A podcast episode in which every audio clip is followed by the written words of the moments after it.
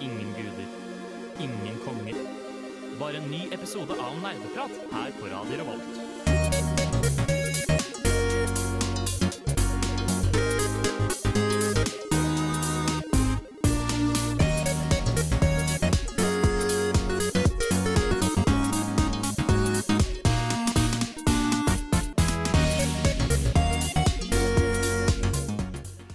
Hei, alle sammen, og velkommen tilbake til en ny episode med Nerdeprat.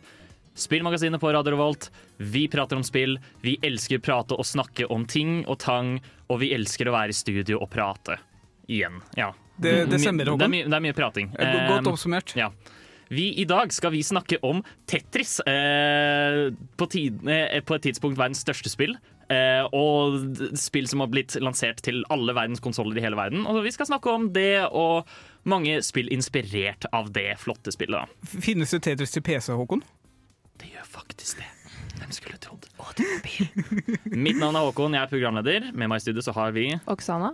og Bård? Bård.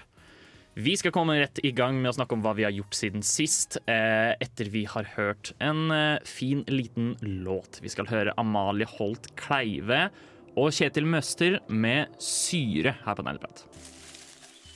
Pst, hører du det? Monster! Svette! Lan! Databrus! Det er nerdeprat i sitt naturlige habitat. Nerdeprat er i sitt naturlige habitat, nemlig studio. Eh, vi snakker om hva vi har gjort siden sist. Det starter vi med akkurat nå. Vi starter med Oksana. Ja, jeg har hatt litt slapp uke. Jeg har vært litt syk, så jeg har egentlig bare spilt litt lik. Og Ja. jeg spilt Tetris på mobilen. Relevant. Det gjør jeg egentlig, Jeg har glemt å nevne det hver gang, men det gjør jeg egentlig hver dag. Når jeg ser på forelesning. Generelt, ja. Ja, når jeg ser på forelesning spiller jeg Tetris, for jeg kjenner meg. Så Det er, eh, det er faktisk en vi ikke har snakket om på Trims No-brainers, men Tetris er et fantastisk forelesningsspill. Eh, hvis forelesningen er helt ubrukelig når det er sagt, fordi du må faktisk følge med på Tetrisen hvis du skal spille Tetris. ja, enig. Ja. Men ellers enn det så har jeg binge-watcha litt anime. Ny episode av Attack on Titan. Den var ekte emotional damage. Den var skikkelig tøff. Eh, Jeg skal ikke si noe mer om det. Jeg har sett Akatsuki no Yona, en sånn 25 episoders anime som jeg så på en kveld. Eh, og en hel natt. Hva handler den om? Eh, den handler om en prinsesse som eh, altså, at altså Faren hennes som er kongen, blir drept av hennes fetter, som hun er veldig forelsket i. Eh, og veldig rart, men så hennes bodyguard da skal finne eh, fire eh, gutter da, som er sånn halvt dragertyp, så de har noen spesielle evner. og de, alle de liksom, dragene blir veldig forelsket da, i denne prinsessen, for hun er sånn etterkommer av en stor stor konge.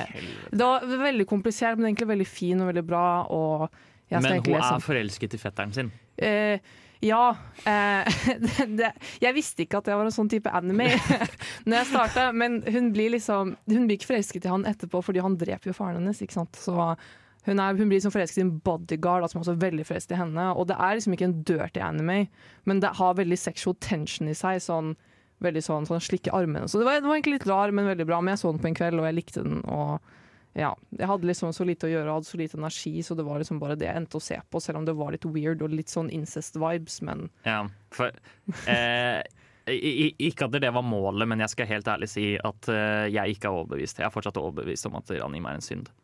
ja. Um, Men det er jo det. Jeg får får, det eneste jeg får ut av det, er at jeg får eh, kanskje litt eh, høy puls, og så blir litt stressa kanskje. Ja. Men så må jeg bare fortsette å se, for det er spennende, og det er kult, og det er søte jenter og søte gutter, og alltid en sånn kjekk, kjekk fyr da, som skal liksom redde prinsessa, og da er jeg solgt ikke sant, med en gang. ja.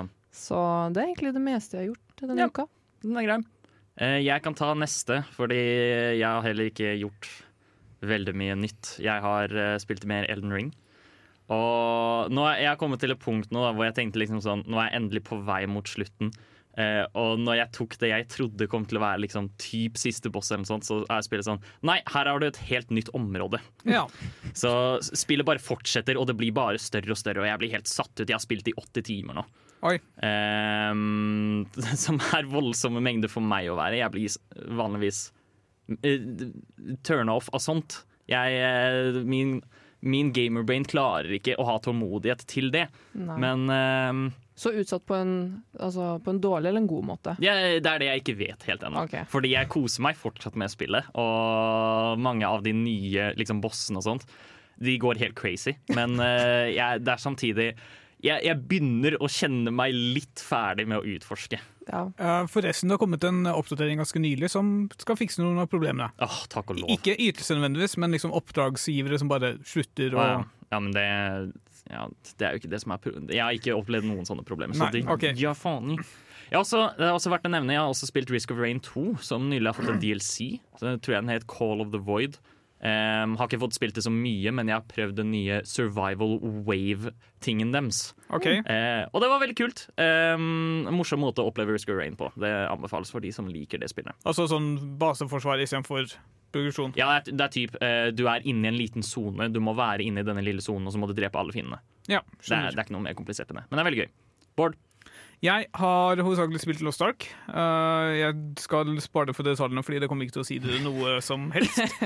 Men uh, det har vært litt sånn problemer fordi folk er frustrert over at de bare ikke, nesten ikke klarer å komme seg videre i produksjonen. Uh, I går så kom det ut en oppdatering fra både Smarger, som er de koreanske utviklerne, og Amazon bare ja, vi er, vi er på saken. Så nå har de en uke i Seattle, altså Amazon sitt hovedkvarter, hvor de skal prøve å løse problemene og sånne ting. Som jeg håper blir bra. Ja, vi får satse Fordi på det. enn så lenge så spiller folk bare på liksom alternative karakterer og leveler dem opp og bare gjør småting. Fordi de, de orker ikke å prøve å liksom pushe mot liksom høyeste nivå. Det er jo trist. Fordi det er så vanskelig Ja. og så ja, Ja, det er latterlig. demotiverende. Vi får fikse det snart. Ja. Um, for å avslutte vår siden sist runde, så er det verdt å nevne at eh, vi ønsker uh, ta en god ferie. Han er hjemme. Er Håper, håper, du, er ha, håper du koser deg med Lost Ark? Det, Nei. Det gjør, det, det gjør han sikkert. Han klarer ikke å holde kjeft om hvor mye han liker En ekte betrayal. Nerdenytt.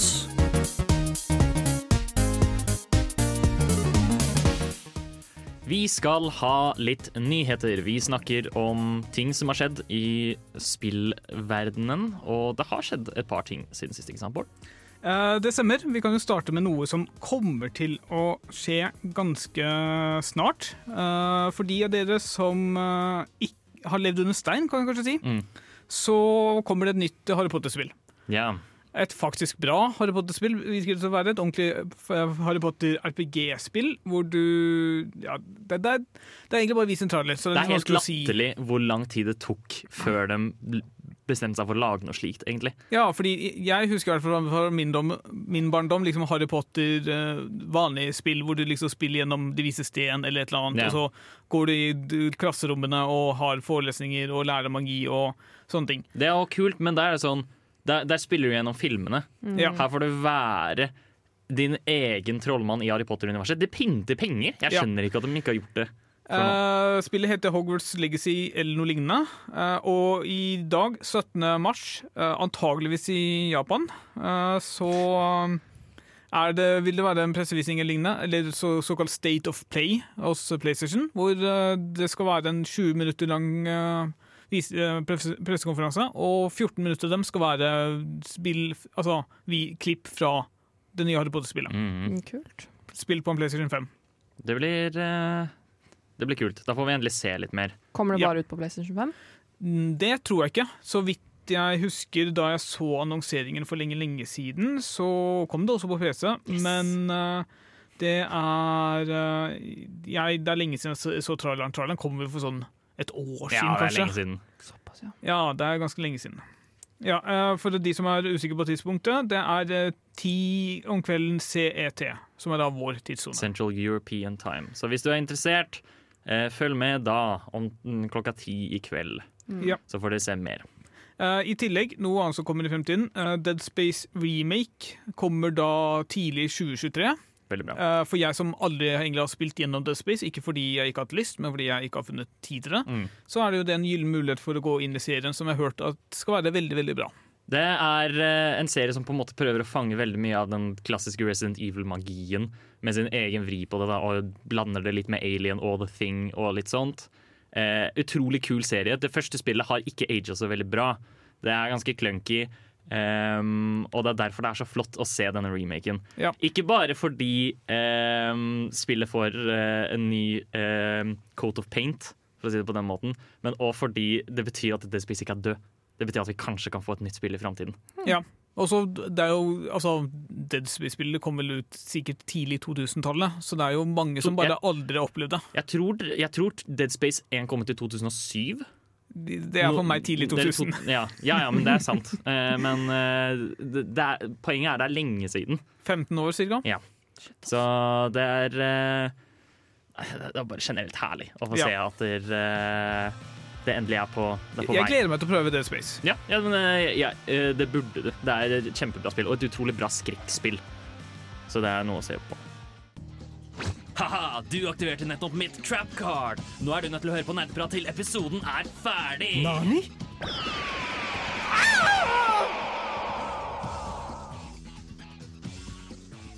Vi snakker fortsatt om spill nytt og nerdenytt og lignende. Har du en nyhet til for oss, Bård? Ja, vi kan jo starte med en som du var veldig gira på. Ja. Eh, Visstnok så er det nå blitt vist eh, rollback nettkode for Super Smash Bros. Ultimate på en Nintendo Switch. Ja, Det er så latterlig at eh, de så jævlig nekter å fikse online sin at fansen må gå og fikse det selv. Og det eneste, de, de, de, Nintendo kommer til å banke på døra deres og gi dem en season til sist for det her. Um, uten tvil. Men for de av dere som ikke vet, um, så kjører um, Hva skal man si? Den nåværende nettkoden til Smash Bros Ultimate er vel delay-basert nettcode.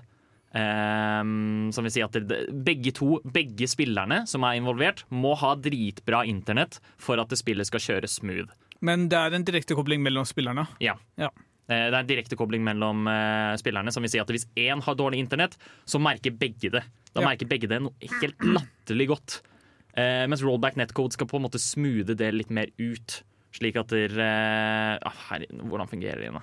Det, det fungerer ved at uh, du antar uh, an, Du antar hva, hvilke trekk som blir gjort, basert på liksom input, og hvis det er feil, så rulles det tilbake til der hvor man der det divergerte, og så spiller du uh, sa, altså, handlingene på nytt ut fra det utgangspunktet, på begge sider.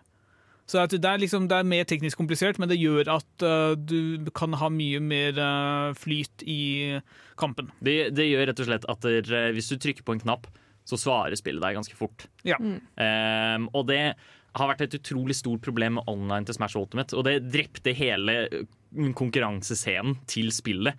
Fordi da covid skjedde, så var det eneste folk kunne gjøre, var å spille online. Og hvis folk hadde dårlig online, så var det ikke noe gøy å spille. Nei. Så det er jo kjempekult at de har fiksa det, og det er bare så trist at det aldri kommer til å skje. Ja. Det er Um, det, er det verste. Ja, jeg hater det er, eh, Nintendo er flinke på å lage spill, men uh, gud, jeg hater dem. Ja. Det, det, det, Kan de sånn- please fuckings eh, fikse skitten sin? Kan de lage en online som fungerer og er verdt pengene mine? ja, det, jeg tror ikke det, Nei, jeg tror det de går ikke. Det klarer de ikke. Sinna. Har du noe annet som gjør meg mindre sinna? Jeg, jeg vet ikke helt. Hva, hva er tankene dine om Overwatch, Håkon? Eh, jeg er helt likegyldig til den serien. ja, men det er det, det er det som tingen da, fordi Overwatch 1 kom ut for mange år siden. Jeg husker ikke 2016. Ja. Og så skjedde det ikke så veldig mye rart. Men det skjedde ikke så veldig mye med spillet. Det ble kom, kom ut noen nye helter og sånne ting. Og Det kom ut, alle snakket om det i sånn et halvt år, og så døde det ut. Fullstendig. ja, men jeg tror det har kommet flere endringer etter det også, men Ja, det bare folk har ikke brydd seg. Så kom det annonsering da de begynner å jobbe med Overwatch 2. Det er, den annonseringen kom sikkert for sånn tre år siden. Og Ja. Eh, og nå, nå endelig så kommer det litt nyheter. Og da innrømmer de feilen sin om at bare, ja, nei, de har vært dårlige. Så nå skal de Det her er visstnok starten på mm, altså mer kommunikasjon. De har faktisk bare innrømmet at det, Nei, vi, vi suger. Ja, og mer konsistente oppdateringer og sånne ting. Ja. Uh, og i tillegg så har de kommet med ganske nye liksom, brå nyheter om at uh, Olfan skulle starte sånn veldig umiddelbart. Lukket beta om type en måned, og så oh, ja. åpen beta litt etter hvert. Oh, så det kommer nå, faktisk? Altså, Altså, altså ikke, sel, ikke selve spillet, men at du får prøve det ut nå? Ja. Uh, den første PVP-betaen vil starte sent april for PC i visse regioner. Og, og før det så vil det være en alfa, da, så kanskje alfa tidlig i april eller slutten av mars, som er liksom nå. Og så en beta, og så en åpen beta, og så det, det virker som de skal ha litt sånn mer glidende overgang. Altså, de tester mer og mer og mer før de til slutt havner i land. Mm. Men uh, som folk på Reddit sier, og jeg lurer på om de kanskje også innrømmet det litt selv i sin egen ting, det er hvem bryr seg om Overwatch lenger sånn egentlig? Ja. Det er, eh, det er faktisk interessant å se hvordan de skal typ, redde det. De, jeg, jeg antar vel at de kommer med Overwatch 2 for å prøve å redde serien. Jo, men de, Um. de liksom slapp ballen på Overwatch 1, og da, Ja. nå er det ikke noen som er interessert i spillet nødvendigvis lenger. Det er synd, det. Men Overwatch har jo også en utrolig interessant historie sånn i seg selv, fordi visstnok så er det liksom restene etter et MMO-satsing som aldri ble noe av hos Blizzard. De jobber jo med et MMO som de kalte Titan, som de bare kom ut og bare sa nei, Titan blir ikke noe av. Og så ble Overwatch annonsert sånn et år etter eller noe sånt, tror jeg. Ah, ja, OK. Hmm. Så det er interessante ting. Jeg bare syner at det skjer så sent. Ja, det var, det var veldig trist, men eh, gøy å høre at det skjer noe nå. Ja. Nerdeprat på Radio Revolt. Tetris. Dette koselige, deilige, terapeutiske spillet. Et spill om byggeklosser, eller ved fagtermen tetraminoer. Klossene faller fra himmelen, og du lager kombinasjoner med dem med å flytte og rotere på dem. Vi alle kjenner de ikoniske figurene. S-blokk, Z-blokk, T-blokk, firkanten, også kjent som Smashboy, og helten Langemann.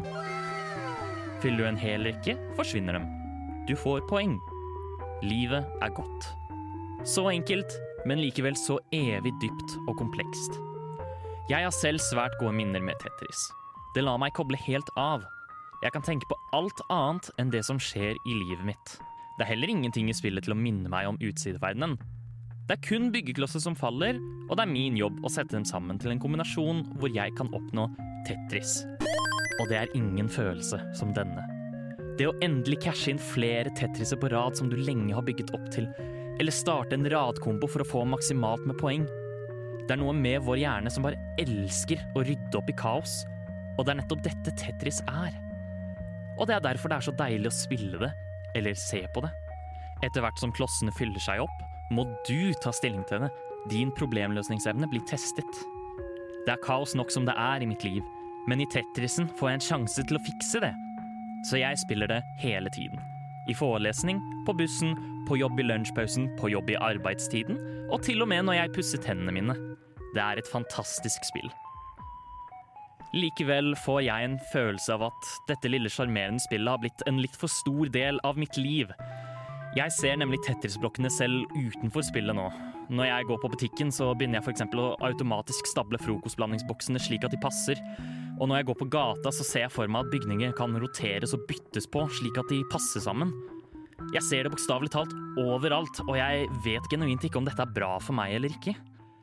Eller Jo, OK, jeg må være helt ærlig. Jeg blir helt gal av det. Jeg er helt besatt av Tetris. Jeg klarer fysisk sett ikke å slutte å spille det spillet. Til enhver tid jeg har en ledig hånd, så må jeg spille Tetris for å tilfredsstille mine behov.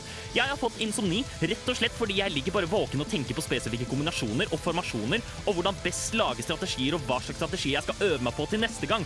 Dobbel T-spinn, komboer, hva er det neste?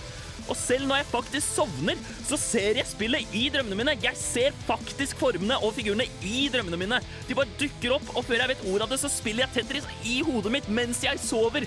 Jeg drømmer om Tetris, jeg lever og ånder for Tetris. Jeg er Tetris! Om jeg var strandet på en øde øy, hadde jeg kun tatt med meg Tetris. Jeg trenger ikke noe annet. For Tetris gjør mer for hjernen min enn alt. Det gjør mer for hjernen min enn porno og sex gjør akkurat nå. Jeg er klinisk avhengig av spillet. Jeg trenger hjelp! Med andre ord Tetris er et flott og deilig spill. Det er terapeutisk og enkelt, men likevel så vanskelig å mestre.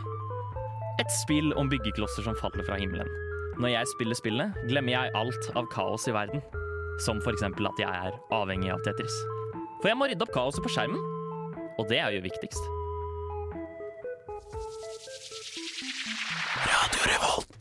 Der fikk dere høre vår introduksjon til temaet. Det var altså meg og min eh, reise gjennom Tetris galskap.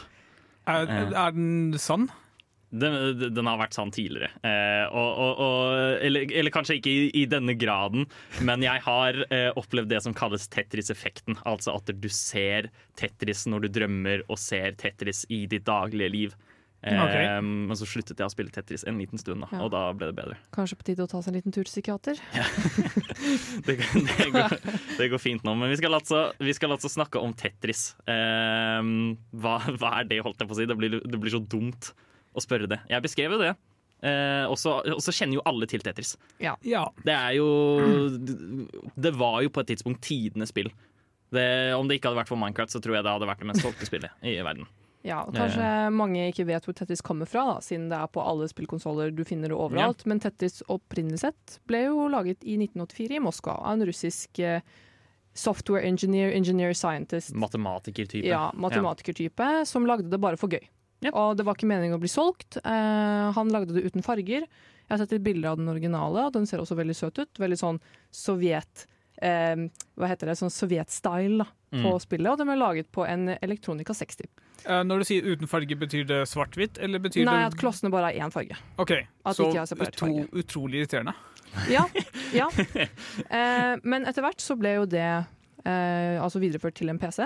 Eh, og som årene gikk, så fikk liksom folk dreisen på dette spillet, og så ble det introdusert til resten av Europa, og så ble det introdusert til USA, og da eksploderte det. Og Ja. da begynte man liksom, å eh, kjempe litt om hvem som hadde eierskap over spillet, og hvem som skulle tjene penger på det. Så som tiden gikk, så fikk liksom Nintendo eh, fikk lansere det, diverse andre eh, folk fikk lansere det, og nå er det typ Mm. multi-billionaire, liksom. Ja, det var jo en av de på en måte ledende spillene som startet hele crazen av å på en måte bli best i videospill. Mm. Eh, du hadde jo kanskje sånn ah, det, Hvem får best score i Donkey Kong og bla, bla, bla. Men så var det Mm. også Men det var særlig Tetris, hvor det ble en ordentlig kompetitiv scene Mm. eh, av folk som konkurrerte mot hverandre for å få best score og slå hverandre. da Ja, Vare lengst. det finnes jo Tetris-mesterskap fortsatt til en dag Ja. i dag. Uh, Fantes det arkademaskiner med Tetris?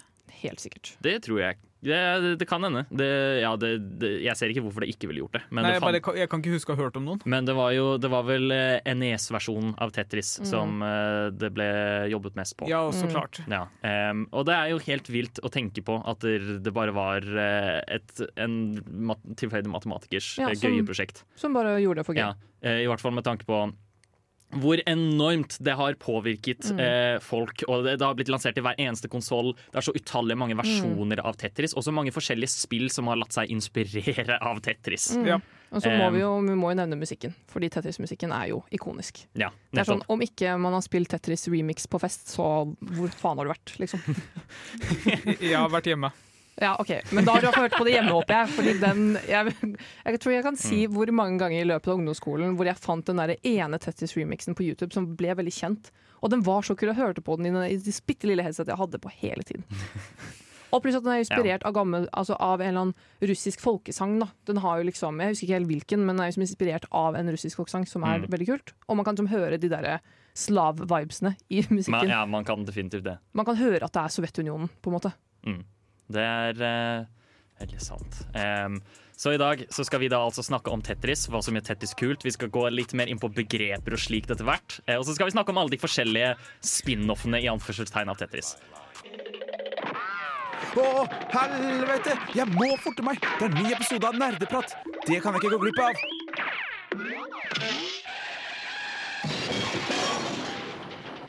Vi er tilbake. Vi er fortsatt Nerdeprat, og vi snakker om Tetris. Vi har em, gått litt inn på Hæ? Hva er Tetris egentlig?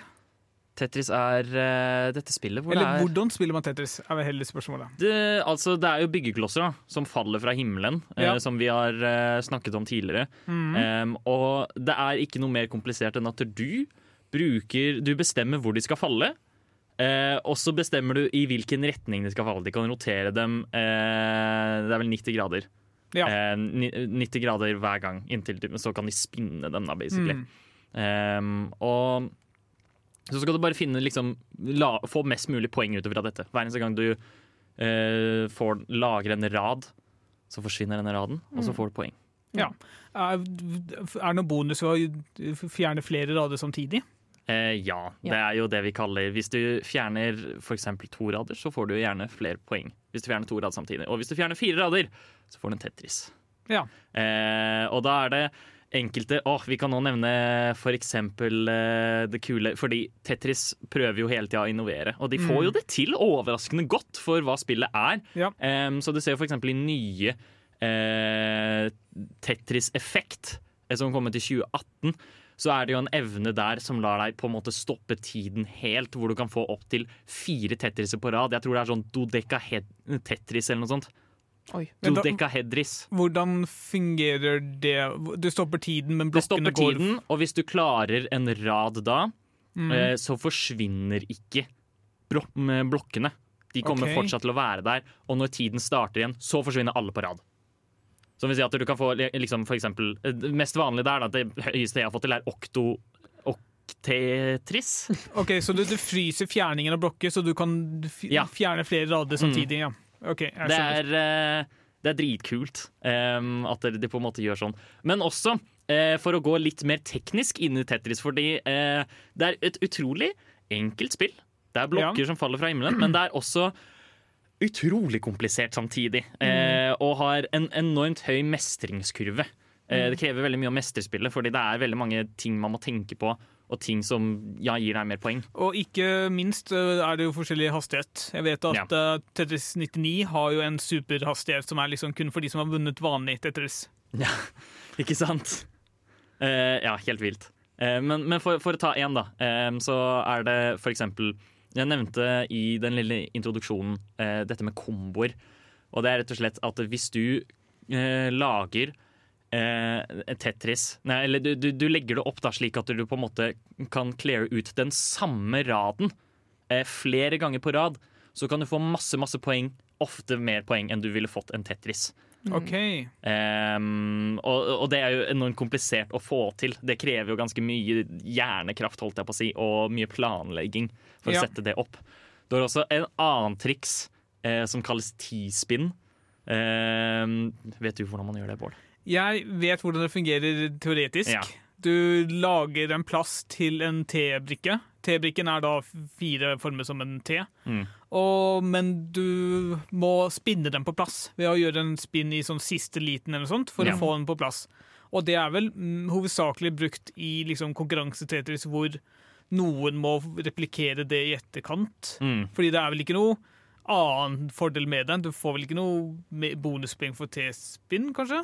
Eh, jo, de har gjort det i nyere tid, faktisk. Okay. Eh, hvor etter hvert som at utviklerne fant ut at T-spinn finnes, så omfavnet de det. Hvor de var Ja. sånn Ja, nå er T-spinn et ekte ting, og i hvert fall i Tetris 99 så får du ekstra poeng for å gjøre en T-spinn. Ja. Em, som er kjempekult. Og der òg, i tillegg, så kan du for eksempel sette opp en dobbel T-spinn.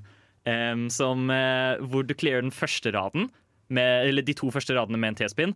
Og så vil du cleare ut de neste to radene med en T-spinn til. Sånn at det blir både en kombo og en dobbel T-spinn, som gir deg latterlig mange poeng. ja. Og det er så, så utrolig mye planlegging og egentlig ganske avansert high-tech Tetris gameplay er mulig. Ja, fordi T-spinn er alltid to rader. Ja. Ja, og så det betyr at Hvis du ikke klarer T-spinn, så er det jo ganske ineffektiv bruk av både brikken og tiden din. Ja, så det krever håndferdigheter, og det er um, så vidt jeg har skjønt, ikke en strategi man går for når hastigheten for eksempel, er veldig høy. Med mindre du er Ehm, ekspert. Ja, med mindre du er jævlig god. Ehm, og det er også sånn ting som i tillegg også er verdt å nevne, uh, fordi Tetris er så sykt annerledes avhengig av hvilken versjon du spiller. Ehm, om du spiller noen av de nyere Tetrisene, uh, så kan du f.eks. holde brikkene. Det kan du ikke i gammel Tetris, uh, sånn at, hvor du kan holde én brikke. Ehm, I tillegg så er det sånn hvis en, eh, hvis en eh, kloss lander på en annen kloss i de gamle spillene, så er den død. Da sitter den fast, liksom. Du kan ikke rotere på den sånn i siste liten, eller noe sånt, men det kan du gjerne i, eh, I noen av dem. ja, i mange av de nyere spillene. Som, som lar deg på en måte tenke litt mer da, på hvordan du ønsker å plassere den. Ja. Mens når spillet går fort, eh, i gammel Tetris, så da blir man overveldet. Ja, I nyere serier kan du jo panikkspinne sånn mens den er, ja, egentlig har landet, og bare prøve å Ja. få den et eller annet sted. Bare prøve å få den et sted hvor den passer bedre. Ja. Og det er Ja, det er interessant. Er- Så, så det er eh, mange triks eh, man kan bruke, og det er kjempemange kule ting innenfor Tetris som gjør det til et overraskende avansert spill. ja. Veldig, veldig spennende. Du hører på Nerdprat på Radio Revolt. Vi snakker fortsatt om Tetris, og nå skal vi snakke om de forskjellige versjonene av Tetris. For det finnes helt latterlig mange av dem. Ja. Det finnes helt ekstremt mange av dem. Du kan kanskje til og med kalle det undersjangere. Ja. Eller ja. Noen av dem. Noen av dem. Noen av de er vel undersjangere, ja. Eh, men eh, alle er i hovedsak Tetris. Tetris. Altså at de faktisk er spillet Tetris. Eh, og vi kan vel kanskje starte med den som på en måte utenfor vanlig Tetris. Vi har snakket en del om det allerede. Uh, men vi kan jo snakke om det som satte Tetris på kartet igjen, da, nemlig Tetris 99.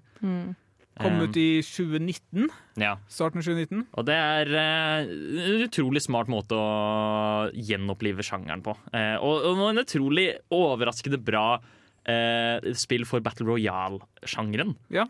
Eh, for de av dere som har eh, ja, hva skal man si, levd under en stein. Ja, gjør det. Eh, ja. Tetris 99 er at du spiller Det er Tetris Battle, men mot 98 andre spillere. Mm. Um, og det er helt sinnssykt gøy. Og det blir så kaotisk og hektisk etter hvert. Og det er bare ja, utrolig morsomt. Men det er i prinsippet bare vanlig Tetris, men at du spiller mot andre folk. Ja. Eh, Det finnes Det er ja, et veldig simpelt implementasjon av Tetris. Eh, Du kan angripe spillere på jeg tror det er tre-fire forskjellige måter. Enten helt tilfeldig, den som har mest poeng, den som angriper deg, eller kanskje en fjerde. Jeg husker ikke. Mm. Men det er, liksom, det er veldig enkelt å komme seg inn i. Ikke nødvendigvis så enkelt å gjøre det bra i, fordi det er Tetris, og Tetris kan være vanskelig. Men eh, uten det er det en veldig god, moderne implementasjon av det. Til og med skaperen bak Tetris sa at han likte det og var et av de beste spillene, Tetris-spillene som kom ut det året. Mm. Det er eh, Ja. men, men av god grunn, liksom. Ja. Kjempebra. For å, vi, vi har snakket også kort om eh, et, et annet forrige Nei, før låt. Um, Tetris Battle. eh, jeg, jeg, jeg hadde tenkt å si Tetris Effect. Okay. Eh, Jeg har virkelig lyst til å fremme Tetris Effect en gang til, fordi det er uten tvil den beste Tetris-opplevelsen jeg har hatt i hele mitt liv. Mm. Um, og det er rett og slett fordi det har denne kule stilen til seg. Det, det, ser så, det er så visuelt tilfredsstillende, og det har denne flotte musikken. Men kan du knuse tolvåringer i det? Nei, det kan man ikke. Nei, man kan ikke det. Og så men kan man jo spille Tetris-effekt i VR også. man kan spille i VR, og det ser jeg for meg. eh, Det så veldig kult ut. ja. Pl- Plasserer man da blokkene med hendene sine Nei, du bare ser på. Med hodet. Da, men da, da ser du jo kun gridden. Da, da lever du Tetris-effekten. Eh, som, Ja. som tidligere nevnt er at du ser Tetris overalt. Ja. Da lever du det, fordi du, på, du ser det rett foran deg, og alt rundt er svart. Men er det egentlig bra? Eller er det litt dårlig? Du spør godt. Fordi det høres egentlig ut som en fever dream. Jeg hadde kost meg Et eller masse. annet rart mareritt som du aldri kommer deg ut av. Men, men da kan man virkelig glemme eh, alle sine problemer. Eh, Ja, jo. fordi alt, så, alt som eksisterer rundt deg i det øyeblikket, er Tetris. Mm. Det er vel en copy-mekanism. Kanskje ikke en sunn copy-mekanism, Mm. men fortsatt en copy-mekanism. Mm. Men nå er ikke TDC9 kun for å knuse tolvåringer. Det er også ganske kule effekter i spillet. Ja. Eh, Du har jo forskjellige brett og med tilhørende musikk som eh, kan være utrolig fengende, noen av dem, og noen av dem er bare helt for jævlig. Ja. men, selv også vanlige brettet bare er jo, har jo utrolig fengende musikk. Ja. Mm. Eh, selv om det ikke ser visuelt spennende ut. Altså, det, altså, jeg vet ikke om det her er vanlig men eh, hastigheten øker jo jo lenger du kommer i spillet, og da endrer jo også musikken seg. Ikke bare blir raskere, men den kan liksom endre, altså endre seg på mer, altså introdusere mer effekter og sånne Mm. ting. Det gjør vel kanskje mer moderne Tetris, men liksom, ja, altså eh, at musikken endrer seg i lys av hvor mange spillere som er igjen. Da er det i hvert fall i Tetris 99, Ja. Mm. eh, som er veldig kult, men hastigheten øker jo. Eh, men, og, og det er egentlig de mest innoverende vi kan si. Det var et par liksom til, helt tilfeldig de prøvde seg på, eh, sånn på 90-tallet og sånt. Hvor eh, jeg vet det blant annet var et spill som het The Next Tetris. eh, som skulle Jeg tror det var sånn hvis du satte ehm, eh, Jeg tror det var hvis du satte liksom fire square eh, Nei, firkantblokker sammen med hverandre, så ble det en 16-blokk eller noe sånt. Oi! Um, og det var den unike vrien, da. Som mm. og, og dette spillet skal ikke blandes med The Next Tetris. Um, som er Tetris, men med én ny modus. Um, så, Som er Ja. the next-modus. ja, som var, var den nye, kule modusen, da. Um, og utenfor det igjen så, Det er rett og slett sånn de har prøvd å innovere Tetris tidligere. eh, Hvor de, de legger til en ny modus hver gang. Eh, og alle andre Tetriser har hatt noe visuelt spennende. Ja, har dere hørt om Velris? Weltris. Ja. Ja. Ja. Det har jeg sett litt på, og det virker altfor fucka. Ja, det, det, ja, det, det, jeg vet ikke om man kan kalle det Tetris lenger. Men Ja, det er jo samme skaperen av original Tetris som har Mm. laget den også. Eh, som skal være Er det 3D? Jeg vet ikke, det er i hvert fall en eh, kloss. Altså, det er liksom Du skal gjøre det på vegger, som er dimensjonelle vegger. ja, Og det er litt fucka, ja. det er veldig wack. Det er, den er interessant, faktisk. Den ble ikke så populær, tror jeg. Nei, det, det gjorde ikke veldig bra. Men det, det, men det mangler simplisiteten til vanlig Tetris. Mm. Det er det som er problemet. For å avslutte, da, så er det jo også bare enkelte tettisversjoner som er sånn Ja, de ser pene ut. Eh, som eksempel en som gjør alle blokkene til at de har vann inni seg. Så kan du se vannet svinge rundt inni dem, og det er festlig. Ha-ha. Fy faen. Fy faen. Yumi, ass. Hva, hva faen er det som Å, fy Å, å fy faen! Åh! Jeg hater dette drittspillet! Tihi, hør på nerdeprat. Mjau. Vi skal nå gå videre. Eh, vi skal snakke om en eh, annen serie eh, som er eh, åpenbart ekstremt inspirert av Tetris. Og det er Puyo Puyo. Er det noen av dere som vet hva det er? Så vidt Jeg har hørt, men ikke spilt. Ikke spilt. Jeg, jeg har uh, Tetris og Puyo Puyo-spillet på Nintendo Switch. Ja. Jeg har åpnet det minst én gang. Jeg har rukket å glemme hva konseptet er. Puyo Puyo Eh, det, det- Tenk dere en søtere versjon av Tetris, da. Eh, hvor eh, og, og en veldig annerledes og egentlig litt mindre Altså, den er fortsatt komplisert, den har kompleksitet til seg, men ikke like krevende som Tetris. Eh, ved at du har disse Du har fortsatt denne brønnen. eh, Hvor det faller ting fra himmelen, men denne gangen er det slimklumper med ansikt. OK, ja. Ehm, og der er det gjerne sånn at eh, disse slimklumpene faller i par. Som vil si at det er to og to slimklumper. Mm. Um, og de har farger, forskjellige farger på seg. Um, da, parene kan ha forskjellige farger, eller de kan ha samme farge. Okay, ja. um, de må ikke nødvendigvis ha forskjellige farger, men de kan Riktig. ha forskjellige farger. Uh, og de kan ha samme farge i tillegg. Og da er det tre, uh, tre riktige farger uh, kler ut de. Og da vil eh, Som vil si at hvis du for eksempel får tre røde på rad, så vil tre, de tre røde forsvinne. Okay. Ok. Som vil si at det blir, det blir et helt annet eh, stacking-system enn det er i Tetris, hvor poenget bare er å cleare en rad. Så blir det her tre på rad. Okay. Men kan du fjerne flere enn tre hvis du er veldig smart og flittig med din posisjon? Det kan man jo, selvsagt. Så, så det krever jo litt. Eh, og så er det eh, et par andre mekanikker og ting som på en måte påvirker litt hvordan Puyo Puyo fungerer. Som eksempel at hvis du eh, Hvis en slimklump står helt alene, da, eh, uten noen slimklumper ved siden av seg, eller kanskje det bare er én slimklump, og så forsvinner den slimklumpen, da kommer den til å falle til bunnen. Eh, som vil si at du kan f.eks. i teorien sette opp en tre på rad som faller og blir til en ny tre på rad. Ok. ja. Ja.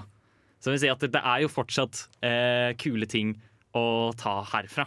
Eh, følger da kun liksom gravitasjon at hvis det ikke er noe under, så faller du ned? Eller er det sånn at de blir kobla sammen på en eller annen måte? Hvis, de, de blir kobla sammen hvis den faller ned.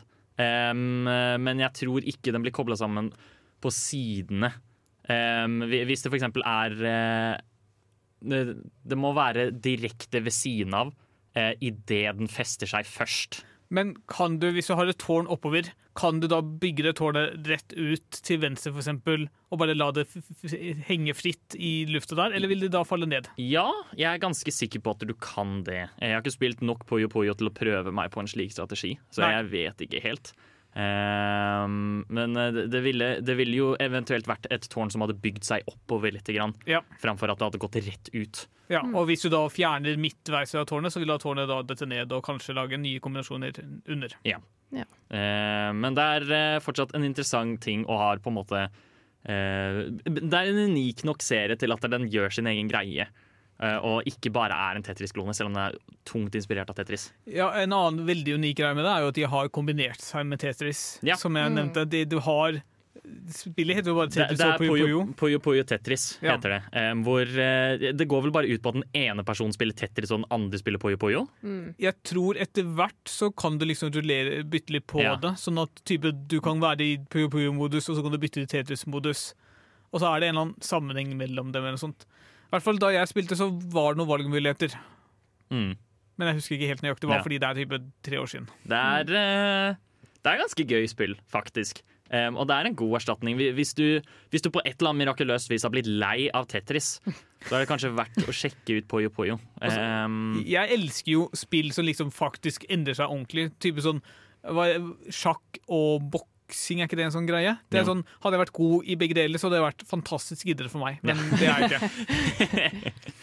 ja, så um, ta med det videre. At Poyo Poyo er som sjakk og boksing.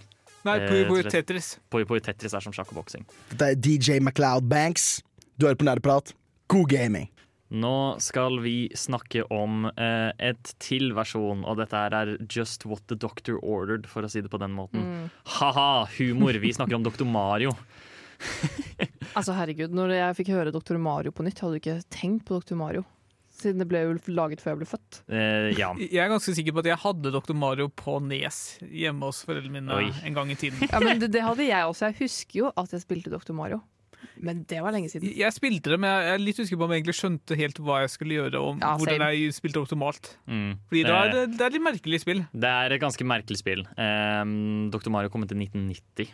Um, for øvrig, Da kom det ut til uh, NES og Gameboy, begge to. Okay. Um, og du er Mario, men du er doktor, uh, og du har denne brønnen, men nå er det virus inni denne brønnen. Okay. Um, det er ikke lenger snakk om at du skal stacke og lage et tårn, eller, eller liksom få mest mulig poeng på den måten. Du skal heller legge opp uh, pillene du kaster, som fungerer effektivt på samme måte som Poyo Poyo-brikkene. At de kan være forskjellige farger, eller så kan de være uh, av samme farge. Og da er det enten rød, gul eller blå. Uh, og virusen er også rød, gul eller blå. Når du matcher jeg tror det er fire på rad, eller så var det tre på rad, jeg husker ikke helt, så clearer du dem. Og så er det om å gjøre, og, og så skal du bli kvitt alle virusene, og så går du videre til et nytt nivå hvor det kommer nye virus. Uh, fire på rad av hva da? Piller eller virus? Eller Nei, deler? hvis det er, hvis det er et virus, Ja. så setter du tre blå piller oppå den, så forsvinner viruset. Hvis det er blått. Ja. OK. Hva, hva Eh, hvis det er tre blå virus? Da holder det med én blå pille, om jeg husker rett. OK, så det er litt usikker selv. Det er lenge siden jeg har spilt Dr. Mario, men, eh, og jeg burde egentlig vite dette her fordi jeg spilte en latterlig mengde Dr. Mario da jeg var liten. Jeg elsket det spillet, selv om jeg ikke var noe særlig god på det. Fordi som du sier, det er utrolig rart, og det er på en måte sånn Um, utrolig annerledes, selv om det åpenbart er basert på typen gameplay som du har i Tetris, så er det vilt annerledes. Fordi det handler Nå, nå er, må du være ekstremt strategisk med eller, eller kanskje strategien i hvordan du plasserer pillene dine har gått litt vekk eh, fordi det er så mye mer rom. Eller det blir jo mer komplisert etter hvert som at det kommer flere og flere virus. For jo lenger inn i spillet du kommer, jo kommer det til å være flere virus ute på brettet. Ja, jeg tenker jo at etter hvert så må du kun gjøre perfekte plasseringer. Ja. Hvis ikke så vil du bli overveldet av nye virus. Fordi jeg, jeg regner med at virusene kommer flere etter hvert. Ja. Eller Og da plutselig, eh, og der er det også samme som Poyo Poyo, at hvis du f.eks. Eh, har en pille, da, som la oss si den er blå og gul, eh, og så forsvinner den blå delen, da vil den gule delen bare falle nedover til den treffer noe, eller den treffer bånd. Som vil si at der, eh, plutselig så kan den falle på et rødt virus. Å nei, da må du cleare det gule før du kan få, bli kvitt det røde viruset. Ja. Så, um, så derfor òg er det liksom veldig mye å tenke på akkurat der. Men det er et utrolig gøyalt spill. Eh, og, og en ganske nice vri på det. Jeg føler at eh, Dr. Mario er nesten litt mer eh, Siden det på en måte endrer seg fra nivå til nivå og plassering av virus, så er det mer dynamisk enn et Tetris her, som gjerne har ganske statisk. hvordan er Spill. hastigheten i spillet? Um, den er eh, om, Jeg husker ikke om det blir Det blir vel ikke så mye raskere. Um, det blir litt raskere, men eh, den er ganske grei, og du kan jo harddroppe. Ja, men altså sånn Sammenlignet med Tetris, hvilke vil du anbefale for en komplett nybegynner som Hvis du sier at begge spillene har like god kvalitet, selv om de er, Ja. det ene er 30 år gammelt og det andre Ja, fordi Tetris er vel da mer eh, kan, Eller kanskje stressende, ville jeg sagt. Fordi der, på en måte, der går jo hastigheten opp veldig mye fortere enn den gjør i Dr. Mario. Ja. Um, og Dr. Mario er jo mer sånn du, må, du må tenke. Det er veldig taktisk, fordi du må, det er veldig få riktige Ja. for en pille, mens i Tetris så kan du bare bygge litt til siden mens du fikser Ja, der du egentlig vil jobbe. Um, og, og, og virusene uh, dukker jo opp på forskjellige steder i brønnen hver eneste gang du spiller. Som vil si at du må, på, du må være tilpasningsdyktig, og du må kunne skjønne bare ut ifra der og da og ut ifra din forståelse av spillet, forstå hvordan du skal legge pillene dine. Mens Tetris, så kan du på en måte bare Der er det jo nesten litt sånn muscle memory. Muskelminne av hvordan du skal plassere brikkene og hvordan du skal reagere hvis denne brikken kommer. Ja. Så Hvordan er lysbordet i Dr. Mario? Eh, jævlig bra. Den, det, jeg, jeg, jeg ville eh, kalt eh, den vanlige Dr. Mario-sangen også utrolig ikonisk der oppe med Tetris-musikken. Liksom. Ja, det, er, det er perfekt sånn type musikk til den type sånn eh, match eh, fire på rad-spill. Ja, skjønner. Og så igjen, det, her har du enda et eksempel av noen som tar Tetris-formelen og gjør noe helt eget med det. Og så blir det et kjempebra og gøy og avslappende spill som resultat. Jeg skjønner ikke hvordan de får det til. Nok Skyrim nå. Nok Skyrim nå, men ikke nok Tetris. Vi snakker fortsatt om Tetris eh, her på Nerdprat. Vi går over til en ny, unik vri, og dette er vel kanskje den mest annerledes hittil. Ja, definitivt. Eh, vi skal snakke om Tricky Towers, som eh, snur litt opp ned på konseptet Tetris, eh, kan man vel nesten kalle det. Hvor, eh, eller, eller de tar virkelig i bruk stacking-konseptet til Tetris. Ja. Eh, rett og slett ved, som i navnet, eh, du skal lage det høyeste tårnet. Framfor å bli kvitt brikkene, så skal du bare du skal bruke brikkene til å lage det høyeste tårnet du kan. Men det er jo litt vanskelig. Ja, det, det er jo ikke så lett. Fordi det er også det, eh, en ting som skiller dette her fra de andre. Og det er rett og slett at brikkene må ikke nødvendigvis liksom passe sånn perfekt inn i hverandre. Og tårnet kan velte hvis du ikke er forsiktig med hvordan du plasserer brikkene dine.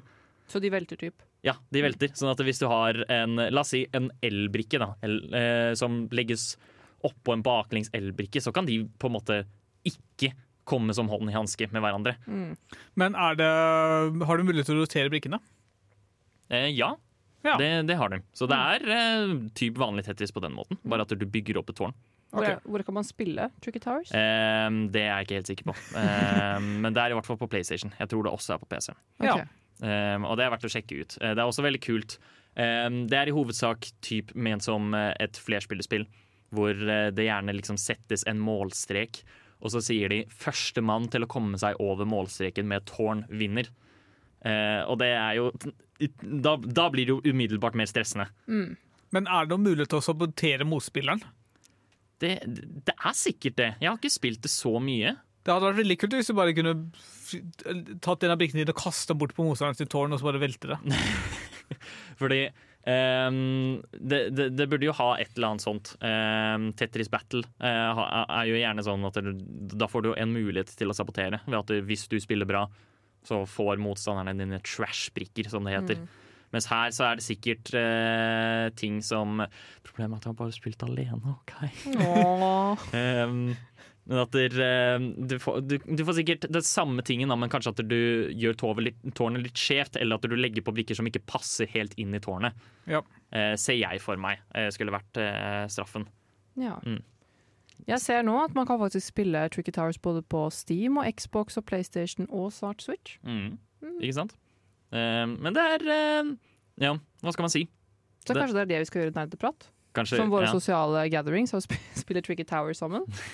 Men støtter det tre spillere, eller Ja. fire? Det støtter opp til fire spillere. Okay. Som vil si at vi, hele Nerdeprat kan eh, faktisk spille um, Tricky Towers sammen. Men- Men Håkon, jeg spiller ikke spill med dårlige lydspor. Hvordan er musikken i dette spillet her? Det er helt OK.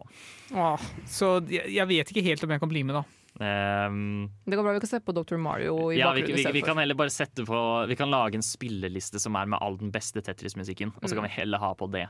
Ja. Eh, bare skru av lyden. Vi, det, får- det får du overleve. Det er jo det samme spillet. Du, det er fortsatt brikker, og det har jo de samme formene. Så det er effektivt akkurat det samme som å lage Tetris, bare at du viser hvor god du er til å bygge ting. Mm. Så, og det er jo ikke Ja. Nei. Men er det noe interaksjon mellom brikkene annet enn hvor godt de passer sammen? Det er ikke noe sånn fargekombinasjon? det er ikke noe... De, har- de har fortsatt farger, håper jeg? Ja, de har farger, ja. Ja. Så, det, så du får jo et eh, fargerikt og ferskt og fint tårn. Eh, men det er jo i hovedsak bare hvordan du plasserer dem og Det er Ja. ikke sånn at uh, hvis du kombinerer to farger, like farger, så bare vokser de og blir enda høyere enn de, det, det vanlige svar. Det, det er ikke sånn. Det er bare Nei. i hovedsak for å um, gjøre tårnet ditt høyere. Men, Ja. det, men, men det hadde vært helt latterlig mye kompleksitet i spillet hvis de hadde på en måte gjort det. Men det hadde vært så mye gøyere også. Ja, Hvis du kunne for for lagt inn sånn superkrefter. Bare det, det Her kan du plassere en bombe på motstanderens tå- tårn, eller et vindkast, eller sånne ting. Da, da, da, da kunne man jo gjort det eventuelt sånn at hvis du ikke på en måte eh, Kanskje du må, du må slå vekk bomba på noe vis. Ja. Få brikken til å falle på et slikt vis at bomba faller av. Nemlig. Eh, ja, men Det er et hav av muligheter her. Det er et hav av muligheter, men vi skal heller ikke kimse av hvor kreativ Tricky Towers er som konsept. Eh, en utrolig unik vri på Tetris-sjangeren. Nok et spill, nok et spill, dere, som bare tar Tetris-sjangeren, gir det sin egen vri og lager et helt nytt spill som skiller seg nok fra Tetris. Ja. Det er imponerende, og det er gøy, faktisk. Ja, faen, du hører så jævlig på nerdeprat. Altså, det games, og det prates, og det nerdes, og det er litt. Vi skal nå gå over til å snakke om eh, et Tetris-spill som eh, Det fikk jo helt latterlig dårlig kritikk, da, men vi kan ikke eh, gjøre noe annet enn å beundre konseptet. Eh, og det er 3D Tetris. Ok, Kjapt spørsmål. Når kom det egentlig ut, og til hvilken kritikk? Tetris kom ut, eh, 3D Tetris kom ut i 1996 eh, til Virtual Boy. Um, som allerede på en måte forklarer litt hvorfor det mest sannsynlig sugde. Em, fordi Virtual Boy var eh, d- d- det aller første Man kan jo nesten kalle det det aller første forsøket på VR. Mm. Em, Ok. Hvor eh, det da var liksom denne stygge rød svartfargen som preget alle spillene, og det skulle simulere 3D, og så bare sugde alt, egentlig. Men da Brukte du de originale 3D-brillene? Hæ? Brukte du de originale 3D-bildene med sånn rødt og blått filter i Ikke blått. Det var, det var bare rødt og svart. Ok. Um, så alle spill var laget med liksom sånn stygg rød, svart farge. 3D Tetris inkludert, um, som sikkert òg hjelper. Men nå folk kalte det uoriginalt, um, som eh, overrasket meg litt. Fordi eh, 3D Tetris, ja, selv om det er uh, Tetris, så er det 3D. Ja, men altså, jeg skjønner jo litt hvorfor de kaller det uoriginalt, når det liksom var liksom spedalderen til Tetris som en sjanger og som konsept. Eh, Dr. Mario kom jo ut før det også, men de var, klarte likevel å være mer unike. Så jeg skjønner jo at det kan være uoriginalt, eller i Mm. hvert fall bli kalt uoriginalt. Ja. Men jeg, da jeg så på bildet av det, så så det jo definitivt interessant nok ut liksom til å være noe eget. Ja, men eh, jeg, jeg tror det var spesifikt Virtual Boy-versjonen som ikke falt så veldig i smak, og fordi det ikke spilte så bra. Ja. Um, men det er 3D Tetris i konsept. Det er rett og slett uh, Tetris, men på et 3D-plan, hvor du skal uh, Ja, du skal fylle en uh, Det, det er ikke bare liksom Ja, hvordan skal man Det, det er si ikke det? et rektangulært spillebrett, Nei. det er et sirkulært spillebrett i 3D, hvor du navigerer deg fra venstre til høyre rundt sirkelen. Ja, nettopp. Eh, Det er fortsatt de samme brikkene, eh, men i 3D. Ja, men det betyr også at du kan binde sammen venstre- og høyresiden på en måte du ikke kan i det vanlige 3D-spillet. Ja, og det blir veldig mye mer å tenke på. Um, Fordi det er også mye mer uoversiktlig hvis noe gjemmer seg liksom bak der du har bygget høyt. Nettopp. Og det er derfor eh, 3D Tetris er liksom super trippy. Um, og det, det fungerer ikke veldig godt på Virtual Boy, men det er jo liksom veldig mange som på en måte prøver seg da, å gjenskape en slags versjon av det. Mm. eh, og prøve å modernisere det. Men er det gøy? I Ja. forhold til vanlig Tetris? Eh, jeg har ikke prøvd det ut. Jeg tør ikke. Det virker som et farlig beist. Ja, altså, jeg, jeg, jeg åpna det og liksom så på det og var klar til å spille, men jeg endte ikke med å spille av fordi jeg, jeg spiller Lost Ark for tiden. uh, men det, altså, det virker ca. like gøy som Tetris. Bare sånn OK, du har kanskje spilt litt for mye vanlig Tetris, du vil prøve noe annet som er veldig likt, men fortsatt unikt og Mm. litt annerledes, så spiller du kanskje 3D Tetris. Ja. Ja, for jeg syns det virker feil. På en eller annen måte. Det bare føles feil. Ja, men, eh, men jeg vil tro at der, om man prøver det, så er det sikkert fortsatt Man får jo ganske mye av det samme, på en måte. Det er fortsatt eh, Du skal bygge klossene, du skal sette opp til eh, Er det fortsatt Tetris? Jeg vet ikke.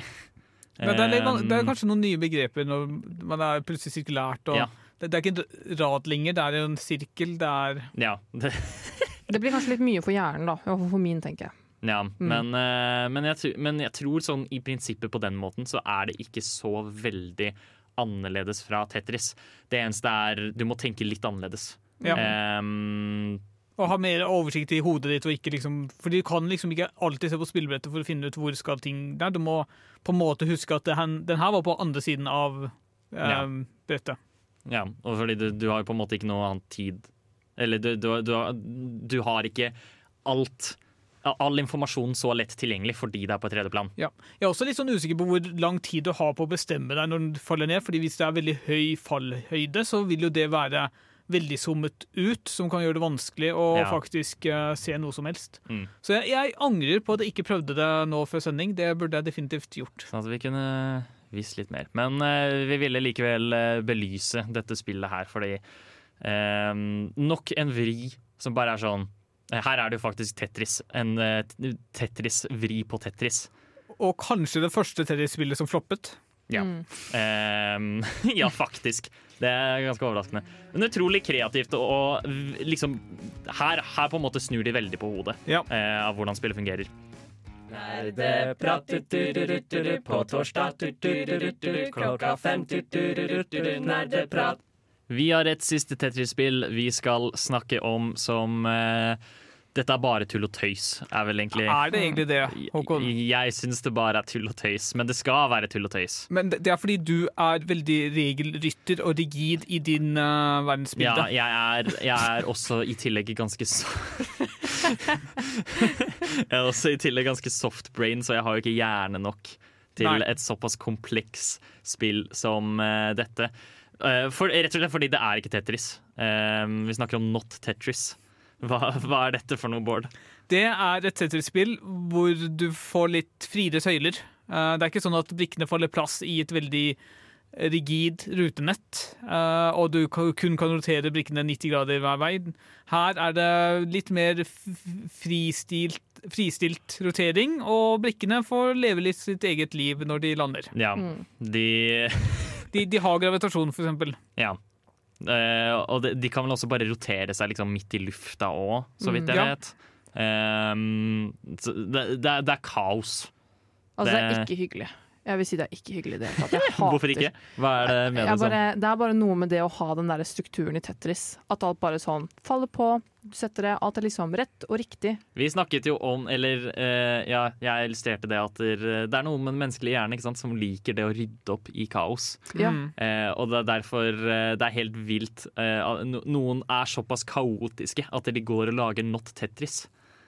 Um, hvor hele poenget er at du får ikke Brettet ditt kommer til å se helt for jævlig stygt ut. Det kommer ikke til å se clean og rigid ut, Ja. Som vi har beskrevet det. Og de har jo åpenbart laget dette Ja. spillet her for å være kjipe. Ja, brik, Eller ikke kjipe, da, men for å være moro. Morosam. Altså, Um, jeg, jeg har ikke fått spilt det selv ennå, og jeg, så jeg er litt usikker på hvordan du faktisk rydder en linje. Men sånn utenom det så syns jeg konseptet virker kult. Tror- Igjen for en avveksling. Jeg tror så lenge brikken på en måte ligger i hvert fall litt innenfor eh, et tomrom, så telles det som at brikken ligger i tomrommet. Ja, eller at du skal ha en eller annen bestemt fyllgrad. Type Ja. Hvis du har 90% fylt, så forsvinner linja. Ja. Ehm, for, det, og for det grunnen til at det blir kompleks, da, etter hvert er rett og slett fordi uh, brikkene kan ligge skjevt. Ja. Um, det er litt sånn som Tricky Towers igjen, men at du, nå, nå er det ikke poenget at du skal lage et tårn, nå skal du spille Tetris. Ja. Men brikkene kan lande skjevt, og det kan bare ta opp veldig mye mer rom enn det trenger å gjøre. Uh, så det blir, det blir fullstendig kaos. Det blir så mye vanskeligere å rydde opp i kaoset som du vanligvis ville gjort i Tetris. Men i Tetris så skaper du jo egentlig kaoset selv, og rydder det samtidig. Ja, men det er derfor det er så tilfredsstillende. Det er som eh, Nå skal jeg ta opp noe ekstremt nisje, men da har det noensinne sett på sånn eh, algoritmer som sorterer. Ja. Utrolig tilfredsstillende. ikke sant? Der er masse kaos først, og så bare ser du det ryddes opp gradvis. Det er jo det samme med Tetris. Du, du burde studert data, Håkon. Ja, eh, kanskje, kanskje det er tanken. Ja, men eh, vi, vi burde kanskje spilt Not Tetris. Ja, jeg hadde veldig lyst, lyst, Ja. men jeg fant ikke noe god, god, god måte å gjøre det på før sending. Men det er likevel en eh, jeg, vet- ikke om jeg ville kalt dette en god vri. Det er en morsom vri eh, på Tetris. Og det er jo ikke et eget spill heller. Altså, jeg vil Um, si den er ikke god i sånn spillbarhet, men de har endret en De har gjort gode, altså, gode endringer Ja. Eller de har type, det, er, det er riktig ting å endre for å få til et nytt, unikt spill som er en annen opplevelse enn det Tetris vanlig er. Ja, De har liksom ikke bare gjort det sånn småjusteringer, de har gjort en ordentlig endring. Det skal jo være typ sånn eh, Hva skal man kalle det? Eh, ikke, ikke satire, men liksom parodi. Ja. Parodi på Tetris. Eh, Hvor det bare skal være tull og bare tøys. Og det trenger vi jo. Ja, vi trenger jo det. Eh, vi har jo dekket alle bruksområdene i Tetris. Vi trenger en parodi av Tetris også. Ja. Eh, hvis, hvis ikke så vet jeg ikke hvordan jeg skulle ha gjort av meg. I det hele tatt. Nei, jeg føler med deg, Håkon. Ja. Når innså du at du var en gamer? Dersom du kunne spilt kun et spill i et år Hva er det eldste spillet i backloggen din? Hva har du lært fra spill som du har fått nyte av i Er det et spill som har hjulpet deg gjennom en tung periode av ditt liv? Hva er ukas spørsmål? Vi har sett på veldig mange spill som har innovert på dette ene enkle spillet Tetris. Eh, det er innovasjon det er snakk om, rett og slett. Så vi skal spørre oss selv spørsmålet hvordan ville vi innovert på sjangeren Tetris? Er det noen som har lyst til å starte? Ja, jeg kan starte. Jeg tenker at jeg har lyst til å lage en ny blokk til helt klassisk Tetris. OK. Eh, En helt ny blokk. Ja, siden jeg er i et uh, evil-humør for om dagen, så ville jeg ha laget en X. Så når du da setter denne X-en, så fucker du opp alt sammen. Så du må bygge oppå denne X-en for å så fjerne det nivået. Og så bare fucker alt seg opp. Men vent da, Kan du forklare med ord hvordan X-en ser ut? Hvor mange klosser er det, og nøyaktig hvilket mønster? Altså jeg forestiller meg da Det blir tre, da. Tre den ene veien og tre den andre, som former en X. Ok, Så en blokk i midten med en på hvert diagonale hjørne? Ja, typ. Ja. Mm. Um, For å så fem, da. Ja. Ja, fem blir det vel, ja. Ja, Ja. Det, Så det blir bare helt forferdelig for alle. Altså det, det kunne jo eventuelt vært en vri, hadde jeg tenkt. da Å bare kjøre Tetris, men det er fem blokker nå. Istedenfor Mm. fordi eh, Problemet med å introdusere en ny blokk som gjør det litt vanskelig, er at alle tetraminoene er brukt. Mm. Mm. Som vil si at alle mulige kombinasjoner ehm, hvor brikkene kan plasseres, hvor det bare er fire brikker, eksisterer allerede i Tetris. Så hvis man skulle gjort det noe mer, så måtte man nesten økt mengden blokker man kan ha. Det kan man gjøre. Det kan man gjøre. Mm. Det, er en, det er en vri. Det er en, en innovering på Tetris. Det er eh, eh, Pentris, kalles vel det, kanskje. Men, men vi kan jo også lage diagonale blokker med fire kuber fortsatt. Det Ja, finnes jo ikke. OK. Mm. Jeg vil bare belyse den muligheten. Skjønner. um, ja. Jeg har også en eh, Jeg hadde, jeg hadde egentlig akkurat nøyaktig samme blokk som Oksana i tankene, Ok. Eh, men jeg har et annet forslag også. Eh, Det her fungerer ikke så veldig bra i sånn til 69 og liksom flerspillerversjonen, Mm. men når du spiller alene, så vil jeg at du skal ha muligheten til å fjerne en brikke fra spillet, sånn at den aldri dukker opp. ja. en ekstra bonus i poeng. Type Du gjør spillet vanskeligere for deg selv ved å fjerne den lange mann eller den kvadratiske brikken. Ja. Mot at du da ja, får en bonus per trekk eller per linje. Oh, ja. Sånn at du får litt høyere score, men du har ikke tilgang til alt sammen? Ja. Fordi da kan du ikke liksom bruke cheesen, som er liksom bygg øh, Plassere lange mann på kanten og ja. Det er spesielt interessant, fordi da kan du ehm, liksom lage eh, la, la oss si det er sånn Hvor mange Er det ikke fire blokker? Nei, åtte blokker, mener jeg. Noe Eh, at du kan eksempel fjerne opp til liksom fire stykk. ja, fordi du kan ikke fjerne alle og kunne Ja. ha et ferdig mønster av la lange menn. Ja, så da blir det, da blir det jo et uh, vilt uh, da, da må man jo tilpasse seg at du kun får enkelt utvalg av blokker, Ja. som er interessant. Mm. Mitt forslag, uh, som jeg har tenkt, er rett og slett Det kan man jo teknisk sett gjøre allerede nå, men jeg vil ha det som en ekte greie. Det er Tetris Coop.